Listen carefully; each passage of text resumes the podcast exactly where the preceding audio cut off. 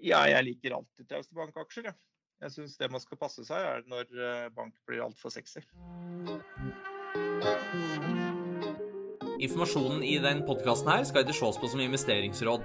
Tenk at eh, plasseringer i verdipapiret bestandig medfører risiko, og historisk avkastning er ingen garanti for framtidig avkastning. Hei og velkommen til Pareto-podden, som nå skriver episode 61. Mitt navn er som vanlig Ola Alsberg, og i dagens episode er planen å gjøre et eh, dykk inn i norske bankaksjer. Eh, våre dedikerte spesialister på sektoren er Vegard Toverud og Ola Øvrebø. Velkommen i studio. Takk. Nå er det en stund siden sist banksektoren sto i fokus her i Pareto-podden. Eh, sist så var vel i fjor sommer, da etter bankene hadde rapportert for det koronaramma Q2. Hva er det som har skjedd siden sist, Vegard? Jo, altså det har skjedd mye i banksektoren eh, siden sist. Banksektoren er jo en veldig dynamisk bransje som er i stor utvikling. Um, og det er mange av bankene som har jobba veldig godt gjennom 2020. Og bankene har nok også ikke bare jobba godt gjennom 2020, men de har jo nytt veldig godt av den jobben som har blitt lagt ned over ganske lang tid her, da. Jeg har jo tidligere sagt at med unntak av telefoni, så er det vel få sektorer i, i Norge der vi som, som, privatpersoner forholder oss til bedriftene på en så forskjellig måte i dag enn det vi gjorde for 20 eller 25 år siden. Uh, og man kan jo tenke seg hvordan det ville vært for for banker hvis koronaen hadde kommet i 1995. Og vi alle måtte stå da med lua i hånda og i lange køer for å betale alle regningene våre på, i en filial. Mens nå så kikker vi bare på telefonen, den kjenner igjen ansiktet, og vi betaler i løpet av noen sekunder. Så selvfølgelig har bankene hatt det eh, litt enklere, men de har også gjort mye, mye bra. Um, og det er jo Jeg tror bankene på samme måte som vi og alle andre har liksom installert nye applikasjoner, begynt å jobbe annerledes internt. Begynt å jobbe annerledes eksternt ut mot, uh, ut mot uh, kundene sine. Uh, og det har nok gitt de noen oppdagelser. I tillegg til at de har hatt litt press også på deler av inntjeningen som har gjort at kostnadsfokuset og omstrukturering har kommet opp på agendaen. Eh, og Der har jo noen banker virkelig tatt tak, men jeg opplever at det har vært på agendaen til egentlig de fleste bankene eh, over det siste året. Og det er jo veldig, veldig positivt. Mm. Mange banker i, i, Norge er jo hardt, altså, tungt inne i bedriftsmarkedet. og Konkurser i Norge var betraktelig ned, eh, ned i fjor, på tross av nedstenginger og dårlige kår i, i, i, flere bransjer. Kan vi vente oss en sånn catch-up-effekt med, med, konkurser framover, eh, tror du? Så, så, langt så er det jo helt riktig at ting ser jo veldig mye bedre ut enn, enn det det gjorde for, for, et år siden. Da. Og det vi måtte kunne frykte. Uh, i forbindelse med, med, årsavslutningen nå, så er vel diskusjonen hos bankene mer vært om man skal løse opp i reserver eh, mer eh, enn at man skal ta spesielt mye, hvis man snakker sånn, eh, sånn generelt. Bedrifter har jo fått veldig mye støtte av staten, og, og litt sånn tabloid så kan man jo si at staten har plukka opp mye av regninga til bankene her. Eh, man har jo fått støtte til, eh, til husleie, lønn, rentekostnadene har jo gått ned. Skatter og avgifter har jo vært ikke drevet inn like hardt. Um, så det er jo potensialet for en viss ketsjup-effekt, som du, du, kalte det. Men på den annen side så må man huske på hvordan bankene da, eh, på godt og vondt, men mest godt, tar sine tap. Man tar det jo som en slags periodisering i forhold til forventede tap. Så, så, mye av de effektene som man kan være redd for i, i forhold til da eh, faktiske konkurser, er jo da mer reflektert i bankenes regnskaper og på bankenes balanse nå enn det de var for et år siden. Fordi at bankene har den informasjonen, og har egentlig bedre informasjon enn det vi har, og hvordan det står til med, med sine bedrifter. Så vi forventer jo i 2021 i estimatene våre noe høyere eh, låntap enn det som er normalt generelt for bankene. Og så spesifikt for noen banker så forventer vi et enda litt høyere låntapsnivå. Og for disse bankene så handler det ikke så mye om korona, men det handler om fortsatt mer låntap på, i offshore-relaterte eksponeringer. Ser vi på 2020, så er det jo ikke så mye faktiske låntap som har kommet fra, fra korona, heller tvert imot. Mens der låntapene har kommet, så er det da generelt på offshore-relatert næring. Mm. Eh, den opprydningen og, og de låntapene, eh, det tror vi vi vil se litt av også, også neste år. Mm. En viktig faktor oppi der er vel renta. Den ligger jo, styringsrenta ligger jo enda flatt, mens eh, amerikanske statsrenter, den såkalte tiåringen, begynner jo å peke oppover og snakkes om, om renteoppgang pga. boligprishopp. Hvordan, hvordan, ser rentebildet ut her vi står nå? Jeg skal i hvert fall være litt forsiktig Eh, med å være bastant på det. Jeg er ikke noen makroøkonom eller, eller renteanalytiker som sådan. Eh, men, men de som, som, kan det, de diskuterer vel, sånn jeg forstår det, hvorvidt det skal være én eller to rentehevninger eh, i år fra Norges Bank. Generelt sett så er det sånn at høyere rente er bra for de fleste finansselskapene, og da også banker. I hvert fall de bankene som vi snakker om her. Eh, den ene elementet av det er selvfølgelig at den egenkapitalen som bankene har, vil få en høyere avkastning, eh, som regel. Og egenkapitalandelen til disse bankene har jo også økt jevnt og trutt over de siste årene. Viktigere kanskje i et sånn 2021-perspektiv er jo at eh, bankene får en mulighet til å reprise boliglånene sine.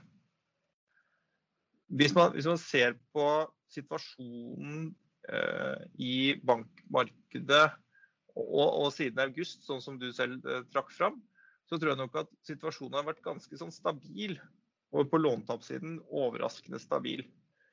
Eh, jeg tror eh, likevel på marginen, og da snakker vi på veldig små marginer, så tror jeg at konkurransen har vært litt hardere, spesielt på boliglån, enn det bankene selv ville trodd hvis man hadde gått tilbake til, til august. Og så er det litt vanskelig for bankene, sånn som konkurransen fungerer og sånn som markedsdynamikken er for øyeblikket, å gjøre noen store endringer på det. Og vi tror at det kan være en vedvarende slitasje på eh, boliglånsmarginen til bankene frem til man får en mulighet til å reprise. Og en renteheving vil være en sånn mulighet. Så jeg tror de fleste banker vil sitte ganske stille i båten og håpe at man får økt marginene sine litt i forbindelse med det. Og blir det to, så får man to muligheter. Mm. Og norske banker det er jo generelt i hvert fall utbyttemaskiner eh, å regne, men i, i fjor så ble det satt et, uh, satt et tak på, uh, på utbytter av, av, Finanstilsynet. Men nå, slik vi, slik vi, ser det nå, utbyttesituasjonen, kan vi vente oss Hva er det vi kan vente oss? Nei, altså Utbytte har jo på en måte vært tema nå i hele 2020, egentlig. Siden pandemien begynte, så gikk jo først Finanstilsynet og så Finansdepartementet etterpå ut og kom vel med en kommentar om at det kunne være lurt å begrense utbytte for å holde kapitalen inne i bankene nå når det var, var usikkert. Og Det går jo òg litt til det med tapsforventningene som lå i markedet hvis vi går et år tilbake. Da. Og så har jo utviklinga gjennom året som Vegard var inn på, at det har vært litt annerledes med hvordan tap har blitt tatt. Og en del av bankene har vel kanskje følt at de har hatt betydelig kapasitet til å betale ut. Altså Det var en del fram og tilbake med Finansdepartementet og Finanstilsynet. Men det siste vi fikk i fjor, var at begrensninger på utbytte skulle være at bankene kunne dele ut utbytte som de hadde planlagt, men inntil 25% av samla resultat for 2019 og 2020. Hvis du så vekk ifra det de hadde betalt i utbytte alle veier og delt ut. Og Så kom Finansdepartementet og satte det opp til 30% og det var den grensa de fleste bankene nå rapporterte på i, i Q4. Og vi la jo egentlig til grunn at bankene kommer til å dele ut av utbyttet som de vanligvis pleier etter sin politikk, som er rundt 50 av det resultatet som går til, til de egenkapitalbeviseierne og de aksjonærene. Men at du får en slags periodisering her, fordi litt av utbyttet kommer nå, i rundt april, for, for de som kan det. For det handler om at den 30 %-grensa den gjelder fram til september. Som betyr at uh, du er begrensa på utbyttet ditt uh, fram til september, men etter da så slipper de opp litt. Så du, du, deler på en måte utbyttet ditt i to, to bolker. Den ene kommer nå, hvis du har mulighet til det. F.eks. hvis du ikke delte ut i fjor. Og så kommer resten senere på året. Og da, Det gir jo en effekt på noen av bankene, spesielt de som da ikke delte ut noe i fjor. De fleste gjorde jo det, men, men DNB f.eks. og Sparebanken Sør og Sparebanken SR-Bank de valgte jo å utsette utbyttebeslutninger. Så da får du jo da litt dobbelt opp med utbytte nå på starten av året. Vi ser jo det bare på, på den gilden som ligger på akkurat de, de bankene, at den blir jo kraftig høyere enn den vanlige gilden vi pleier å se på rundt 4-5% altså i utbytte på kursen, så ser vi at f.eks. Sparebanken Sør er jo nå på 10% sånn som kursen handler. Med SR-Bank litt under og, og, DNB en plass i midten. Men så er jo det langsiktige, langsiktige forventninga her er jo den samme om at det er 50% som blir betalt ut, at det gir oss en yield som ligger rundt 4-5 mm. Og Norske myndigheter går det an å si at det er glad i å regulere bankbransjen, men hvilke reguleringer er det som har mest, og, mest å si? Altså for, for banker sin del, når vi snakker om regulering, så er det jo ofte at vi snakker om kapital. Altså hvor mye kapital, altså egenkapital, skal banken holde bak de lånene som den gir ut.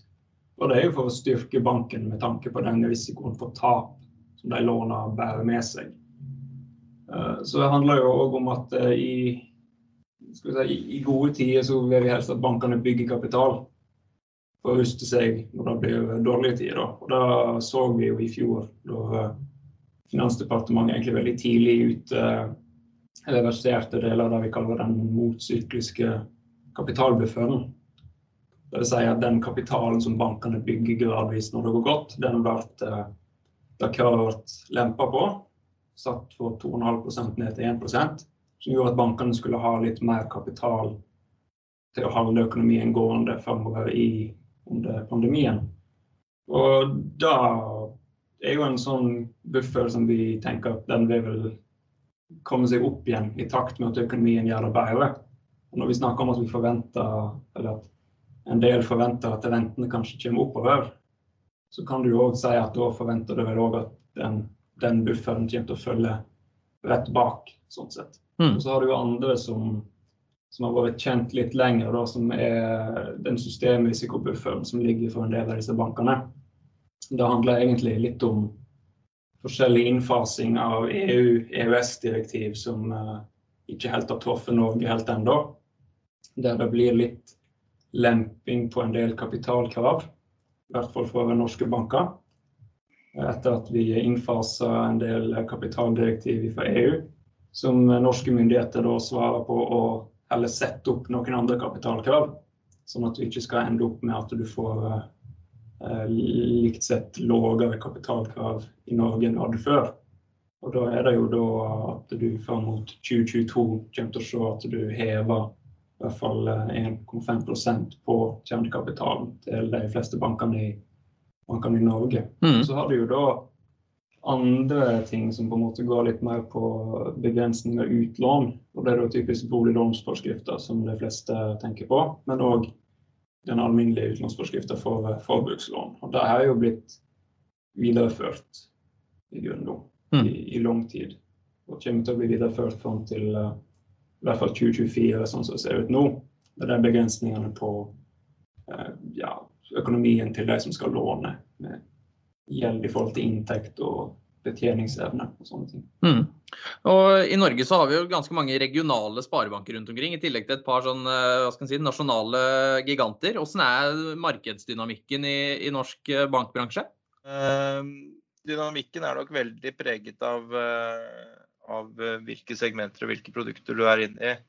Eh, Boliglånsmarkedet har jo en, en, spesiell dynamikk i Norge i forhold til prissettingen. Sånn som vi så vidt var litt eh, inne på. Eh, der det kan være litt vanskelig for noen å stikke seg, eh, stikke seg ut. Og mange ser til den, den, store i forhold til hvor prisen til slutt ender.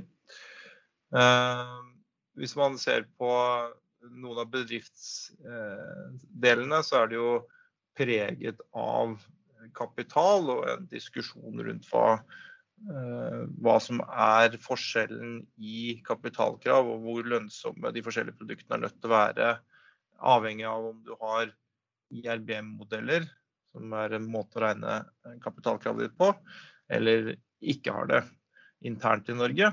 Og også en forskjell på hvordan kapitalkravene er mellom de som driver eh, Banken Norge med hovedkontor i et annet land, Eh, og de som, eh, som ikke gjør det. Eh, og så har vi jo i tillegg et helt forbrukslånsmarked. Og vi har jo noen nisjebanker også som, som driver innenfor spesifikke nisjer, sånn som Pareto Bank f.eks., som, som jobber med mange forskjellige ting, men som jo er størst på, på eiendomsutvikling.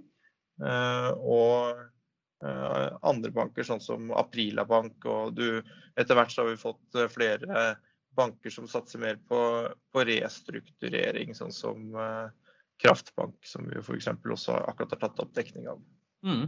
Ja, just, og Pareto Bank som du nevnte, de leverte jo knallsterke tall for, for fjerde kvartal her, på tross av noen ganske seige regler fra Finanstilsynet. For Pareto Bank er ganske tungt inne i eiendoms, eiendomssektoren. og Der ble risikovektinga gått opp fra normalt 100% til 150 i, i fjor.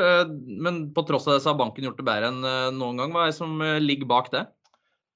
Nei, jeg tror det er, det er et todelt spørsmål i, i, i, forhold til det. Jeg tror banken jobber eh, svært godt. Og eh, til tross for usikkerhetene rundt eh, korona, så er det jo eh, attraktive eh, markeder også for eh, eiendom om dagen. Det har vi jo så vidt vært inne på i forhold til renteutviklingen og prisoppgangen der. Når det gjelder det spesifikke som går på, på bankens kapitalkrav, um, så er jo vår generelle holdning at dette er en sånn temporær forordning som vil vare til 2023. Eh, så det er jo egentlig snakk om, om hva slags utbyttekapasitet banken har i et par, par år framover, sånn sett. Og, og, det som banken har gjort,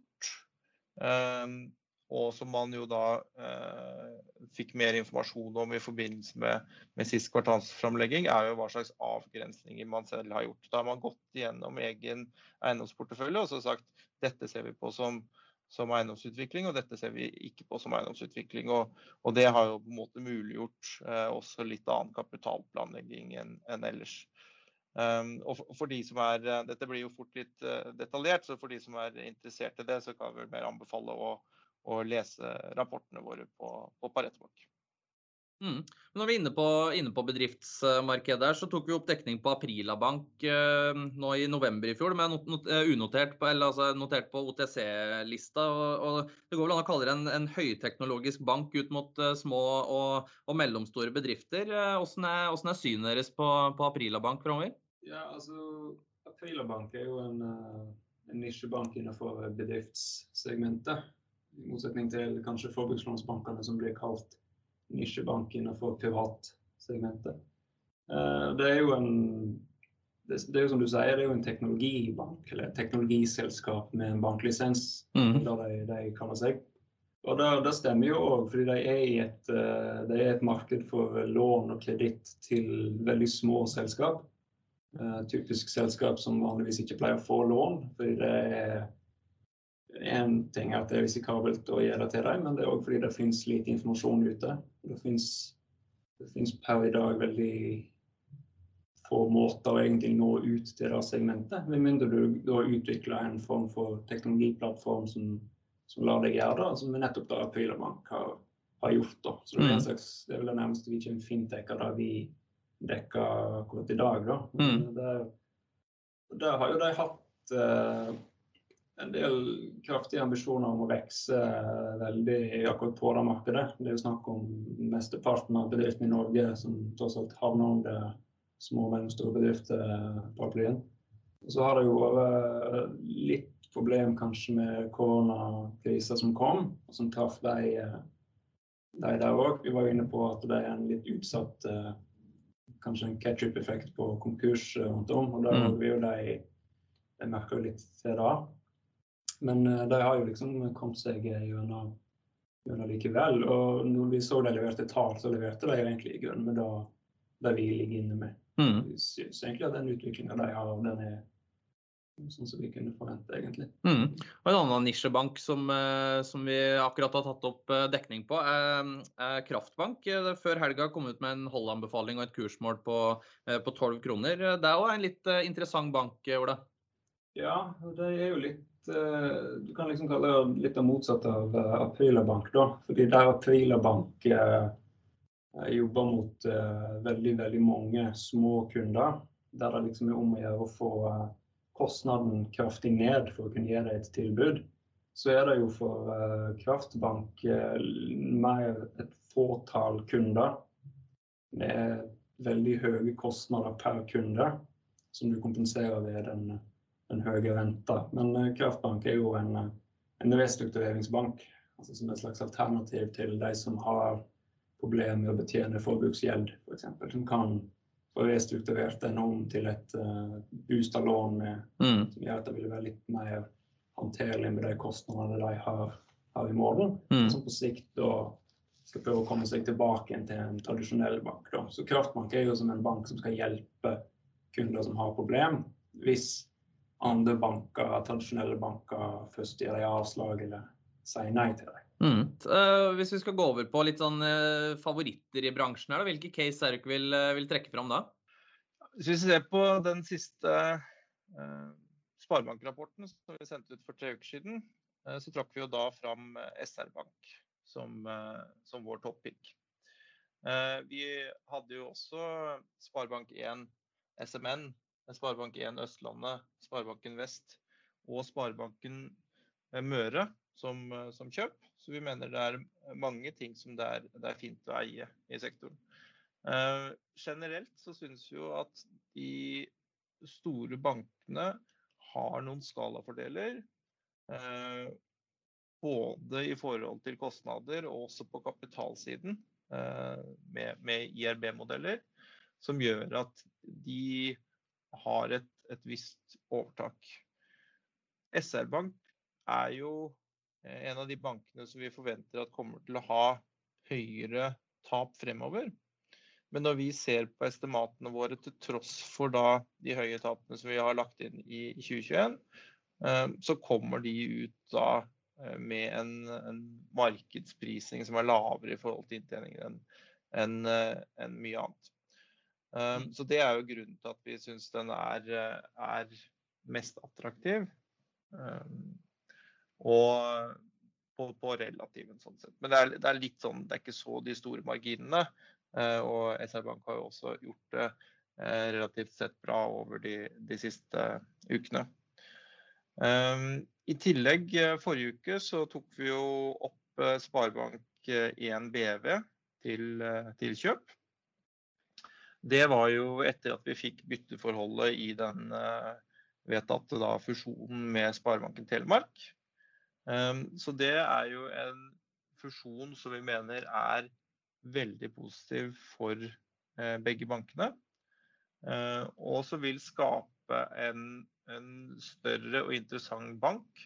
Og banken selv i, i sine mål viser jo da den effekten man kan få av, av skala her, ved at de har tatt opp sine egenkapitalavkastningsmål eh, til 11% fra tidligere 10 og 9 fra de respektive, bankene. Mm. Um, så det viser noe om, om fordelen også for, for eierne, så vel som, som bankene selv, uh, i det å tenke, tenke struktur der. Så det syns vi er en, en spennende bank. Uh, vi har jo ikke dekning heller på, på Sparebanken Telemark, som, som fortsatt uh, som er lista på SBTE. Men hvis man regner om med det, det forholdet som man jo vi nå har på, i fusjonen, så tilsvarer jo det et kursmål som, som ligger rundt 20 kroner eh, over børskurs der også. Så det kan jo være et interessant bevis å se på, på det også. Mm. Um, vi har jo ikke noen anbefaling på Pareto Bank, som du var inne på tidligere, men vi legger merke til at i forhold til våre estimater, så prises jo den banken relativt eh, lavt. Um, og vi uh, har jo i, i, forhold til noen av disse andre uh, bankene på Consumer Finance-siden osv., så, videre, så har vi også en komplett bank som, som en kjøpsanbefaling. Eh, men det kan vi jo komme tilbake til i en, en annen pod.